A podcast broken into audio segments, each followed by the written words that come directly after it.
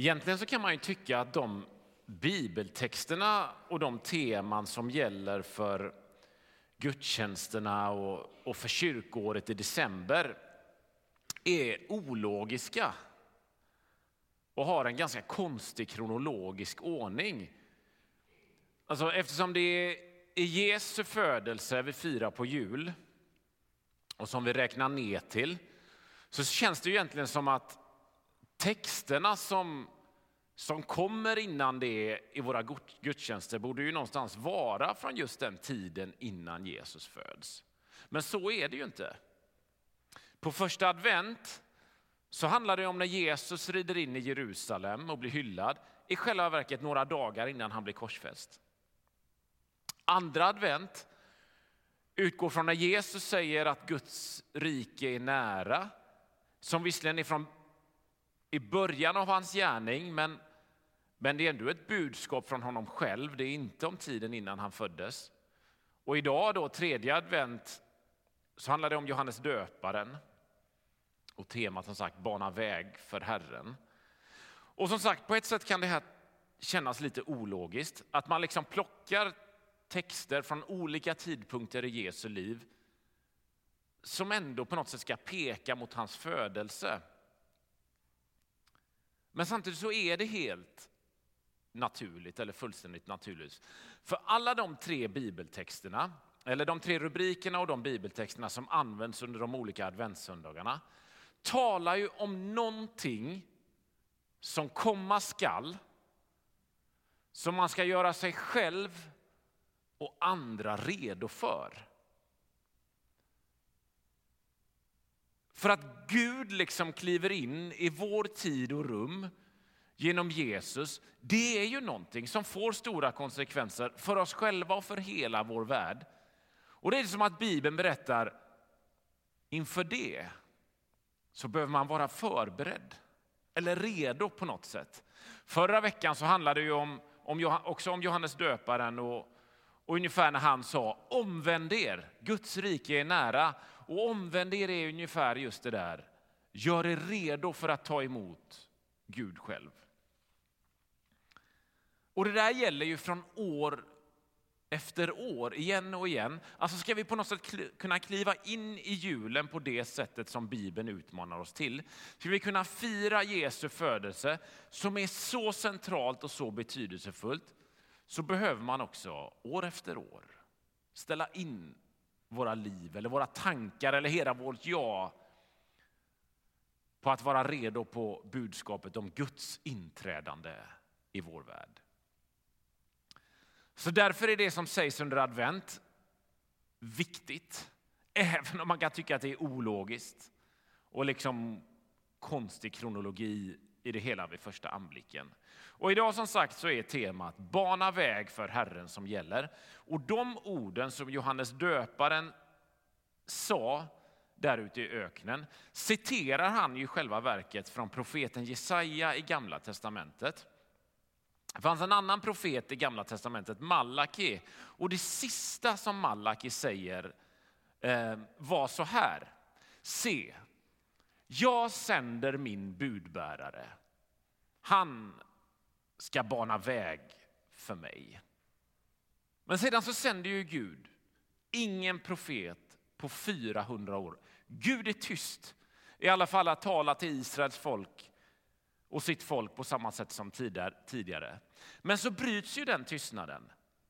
När ängeln Gabriel kommer till Sakarias som är en gammal och barnlös präst som fanns i templet i Jerusalem. Och så säger ängeln att hans också gamla fru Elisabet ska föda en son. Och att barnet redan som foster skulle bli fyllt av Guds ande.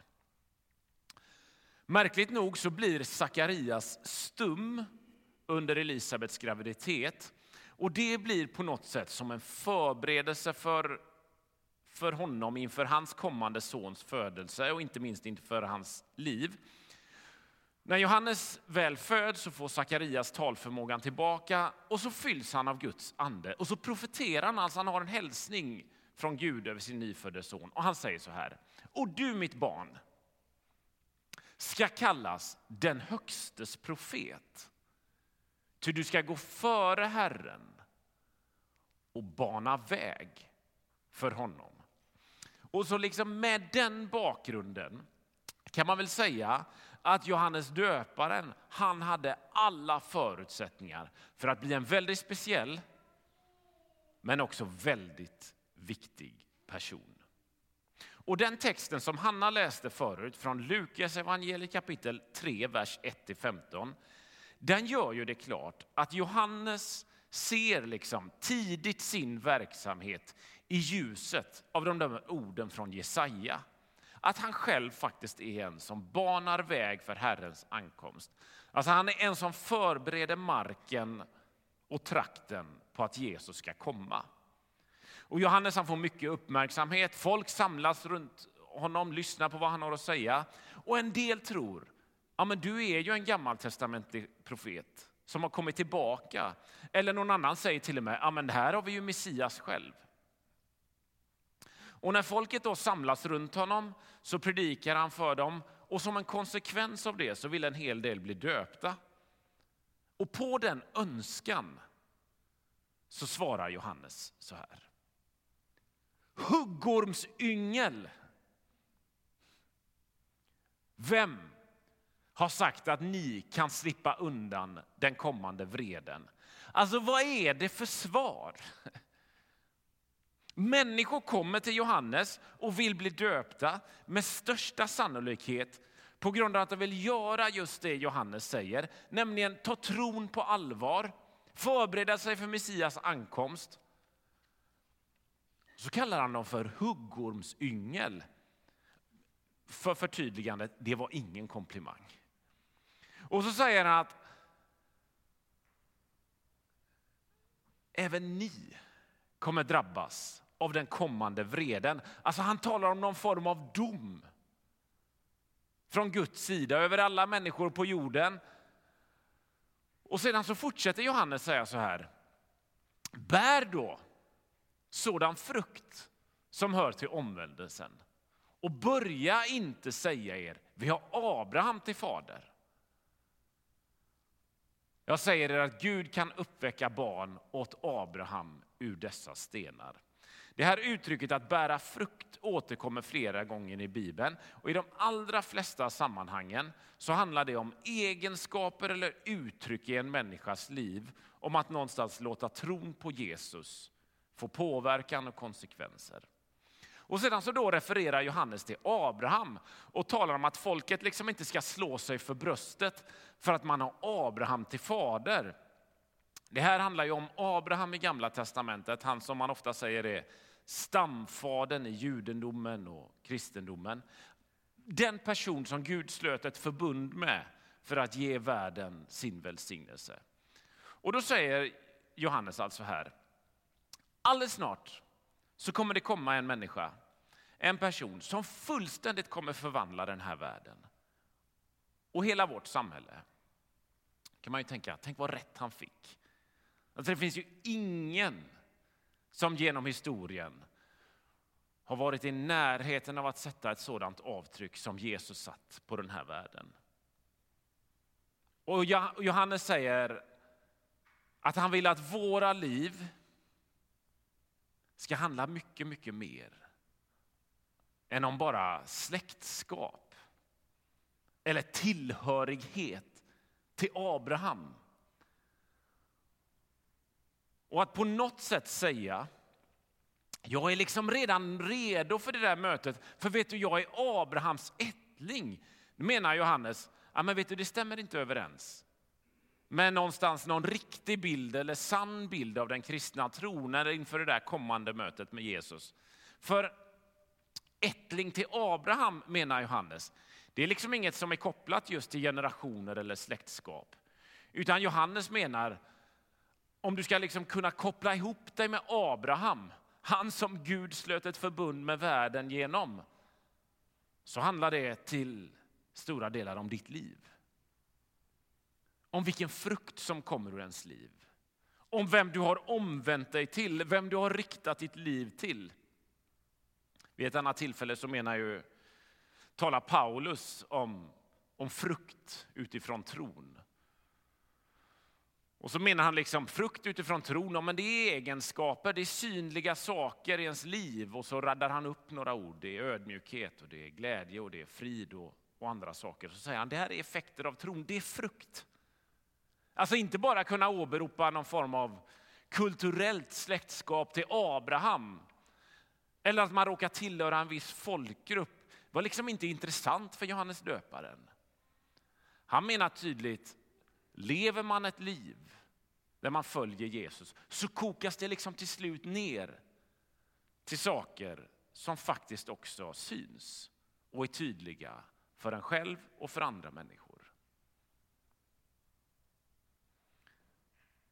Alltså vad Johannes säger och vad han ser är ju någonstans att tron är mycket, mycket mer än ett tankesätt. Det är mycket, mycket mer en teori än en teori om världen. Eller det är mycket mer än ett sätt att bara se på världen. Det är ett liv. Det är en livsstil som han hänvisar till. Och när folket då som lyssnar på detta får detta som svar så säger de till Johannes, ja men vad ska vi göra då? Och Johannes svar, det är intressant. Alltså inte minst i förhållande till vem han själv var. Och nu kommer ett litet sidospår för att någonstans förklara lite om vem det var folket talade med.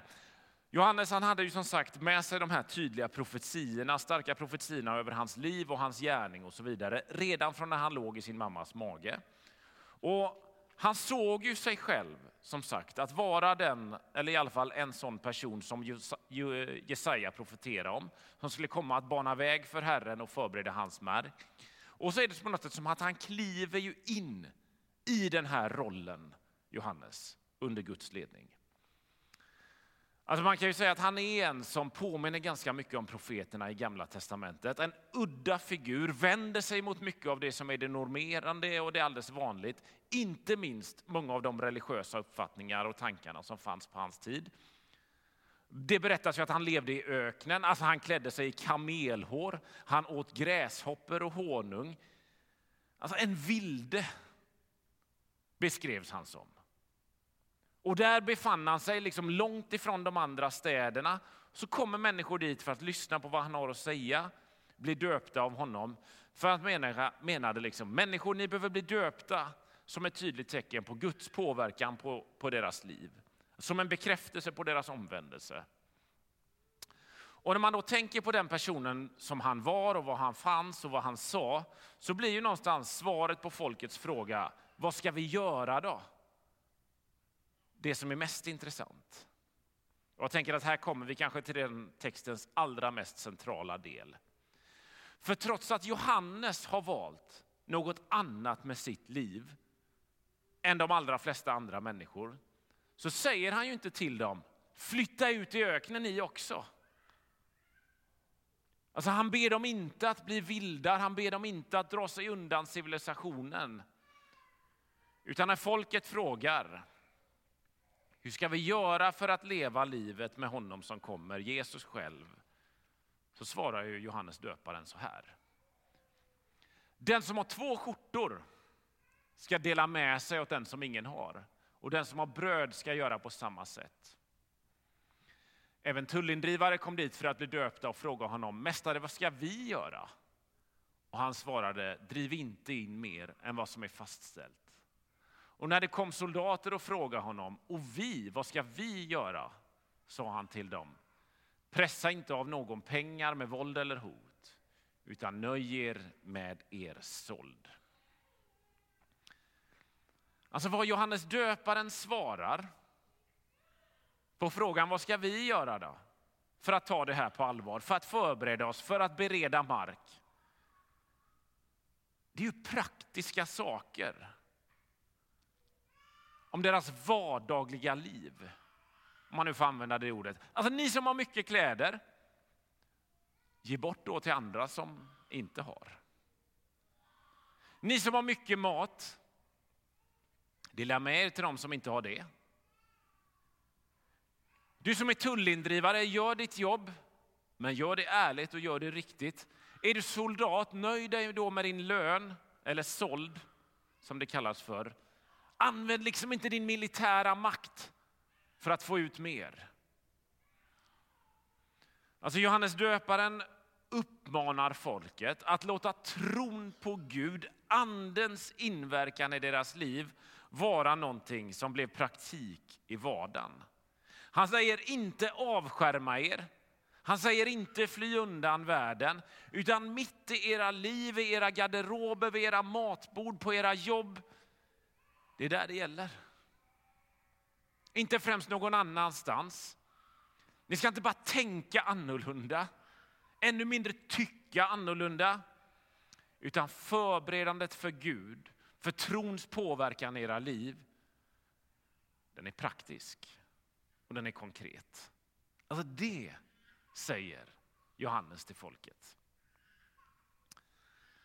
Jag tänker att hade vi träffat Johannes döparen idag så tror jag ganska många av oss som kanske är fromma kyrkmänniskor hade haft rätt svårt för honom. Alltså han hade ju skilt sig från normen enormt mycket. Men hans röst då var fullständigt avgörande för många som genom hans budskap förstod vad tron var och vad tron betydde. Och hade han kommit idag så hade knappast budskapet varit så mycket annorlunda. Det hade nog högst troligtvis också handlat om vår vardag. Har du hög lön? Har du mycket pengar? Ja, men skänk då till de som inte har. Alltså sluta fiffla med kvittorna. Var trogen mot den som du lovat att vara trogen mot. Gör vad du kan för att ta ansvar för miljön. Sätt inte ditt jobb över din familj. Gå hem till den ensamme. Alltså det är de sakerna, fler därtill, som jag är ganska säker på att Johannes döparen skulle tala om. För det är vårt liv, det är vår vardag. Precis som det var för dem han mötte i den här texten. Jag tänker att i den här bibeltexten så finns det två centrala utmaningar till oss. Den första, bär frukt som hör till omvändelsen. Alltså lev som Johannes döparen uppmanar till. Och så det andra då. Var även du en som banar väg för Herren in i andras liv. Och när det gäller det första så tror jag i ärlighetens namn inte det är så konstlat. För en del av oss handlar det nog ganska mycket om att bestämma oss. Och om att be Gud om kraft att göra det. Alltså Jesus säger ju ofta till människor han möter, följ mig, alltså ta rygg på mig, lev nära mig, se hur jag gör och gör samma. Lyssna på det jag säger och säg det med dina egna ord. Välj att leva livet på ett visst sätt. Präglat och påverkat av Gud själv. Att be Gud om att de frukter som Paulus refererar till får någonstans växa fram hos oss. Och så får vi träna oss till det. Jag tänker det handlar om att be och öva och be och öva och be och öva. Och när det gäller det andra, som ju också tydligt går in i det första, så tänker jag att det på olika sätt handlar om att hjälpa människor till tro. Eller i alla fall på något sätt kunna hjälpa människor att närma sig en tro. Ibland så kan man ju som en som som brukar gå i kyrkan få för sig att vi ska passa oss för, för olika sammanhang som kan ha en negativ effekt på ens tro eller på oss som kristna. Som ni vet, går jag dit eller hamnar jag där så blir jag på något sätt nedsmutsad av mycket som finns i världen. Ah, men så, så dit går jag inte. Och det har ju funnits en historia, inte minst i frikyrkan i Sverige, när det här har haft sin stora funktion. Alltså det var ju framförallt när frikyrkan växte fram. Men idag så tror jag det är en tid att tänka tvärtom. Som kristen så har man i grunden ingenting att vara rädd för. Ni vet, Gud själv, han finns i oss och han finns över våra liv. Vi behöver inte tänka att när man möter människor eller sammanhang som inte är troende, eller om att vi springer på olika platser där vi känner att det här vet jag inte jag kan stå för, så är inte det något farligt eller det är liksom ingenting som suger ur Guds närhet och tron ur oss. Nej men tänk inte så. Gud är med oss, vi får tro att Gud har kommit nära och bor i oss. Att hans kraft vilar över våra liv och det räcker till för varenda människa du möter. Och i en värld där korruption och orättvisor och egoism på något sätt är på tok för vanligt så erbjuder ju kristen tro något annat menar ju Bibeln. Precis så som vi önskar att tron ska fungera. Och Johannes döparen menar, vet du du är kallad att leva ditt liv mitt i detta. Alltså vi behöver inte stå för allt, vi behöver inte hålla med om allting runt omkring oss. Men lika fullt så kan man få bära både Guds närhet och Guds välsignelse till människor vi möter och till sammanhang vi finns i. Det ligger hos en kristen människa. Kom ihåg vad Jesus lär sina lärjungar att be i vår Fader. Det var låt ditt rike komma. Låt din vilja ske här. Alltså inte låt mig dra mig undan. Eller låt mig slippa den här världen. Utan låt ditt rike komma mitt här. Och gör det med vetskapen om att Gud är med dig. Han vill välsigna dig, han vill välsigna andra människor. Och hans inflytande och påverkan över människor och folk är kanske större än vad vi först vågar tro. Vet ni, det är att bana väg för Jesus i vår värld. Till människor vi träffar och möter, till sammanhang vi står i, till omständigheter som råder. Så jag vill säga engagera dig i samhället i dina barns aktiviteter. Gå på klassfester och gå på julavslutningar med jobbet och besök grannar och allt vad det är. Jag tänker våran värld skriker inte främst efter Johannes döparen personer som drar sig undan. Och som är högljudda och finns där människor inte finns. Men jag tänker att vi behöver verkligen i Johannes döparen personer som lever mitt ibland folket som visar på Guds närvaro, som visar på Guds påverkan på människor och på våran värld. Och jag tänker vad våran värld också behöver, det är människorna som, som möter de där Johannes döparen-typerna. Och så frågar de, vad ska man göra då? Och så går man och handlar efter det. Allt utifrån en längtan om att Jesus inträdande i deras egna och i andra människors liv ska bli mer påtaglig och mer tydlig.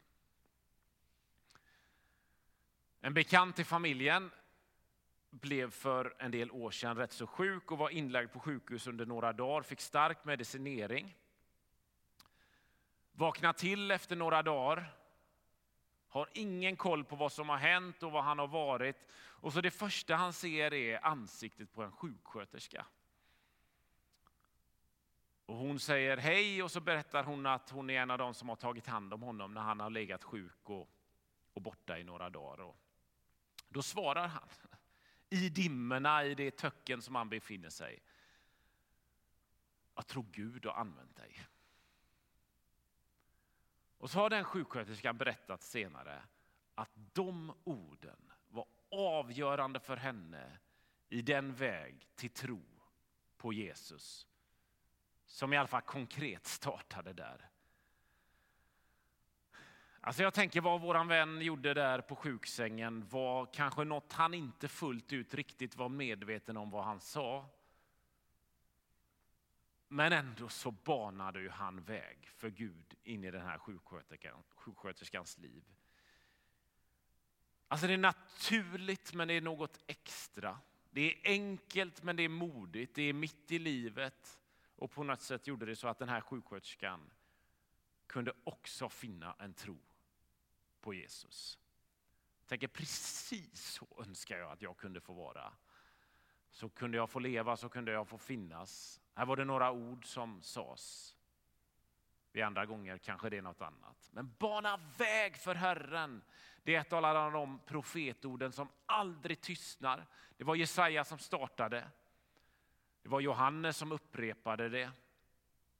Och som kristna och som kyrka så låter vi det eka igen och igen och igen. Vi gör det i jul, vi gör det egentligen hela tiden och vi låter det eka in i våra egna liv, vi låter det eka in i den här världen och vi låter det eka in i människors liv. Ska vi be en bön? Jesus, vi kommer till dig, du som vi tror satte Johannes i rörelse som fick honom att faktiskt bana väg för dig själv. Genom det han sa och genom det han gjorde. Och vi längtar efter att få göra samma sak. Att vi skulle kunna förbereda våra liv för din närhet, för din ankomst. En del av oss kanske har någonting eller vad det nu kan vara som vi kanske behöver liksom röja undan för att du ska få större plats. Och en del av oss skulle också behöva modet och utmaningen att lite mer kunna låta det, det, det orden eka ut. Kanske över våra familj, i vårt grannskap, till vår klass, till vår arbetsplats, in i vår släkt. Och här är vi också många som har hört de här orden och som stämmer in i i de som träffade Johannes och sa, men vad ska vi göra då? Och vi inser att det handlar ju ganska mycket om, om våra liv och om vår vardag. Om att dela med sig av det vi har. Om att fatta rätt beslut. Om att prioritera andra människor. Och Jesus förlåt oss när vi inte gör det. Förlåt oss när vi tror att det är att bygga på en åsikt eller en, ett nytt tankesätt. Det är inte det du utmanar oss till. Och Jesus, jag ber också om att fler av oss skulle någonstans våga än mer kliva in i den värld vi finns i. Det är så lätt för oss att vi drar oss undan, att vi får för oss att bönen vår Fader är att vi ska kunna lämna den här världen för att vara på platser som inte är så ogudaktiga. Förlåt oss när vi tänker så. Hjälp oss att luta oss mot dig, den du är, din kraft, din styrka, din närvaro. Så att vi just kan få bereda väg in i människors liv för din närvaro. I Jesu namn. Amen.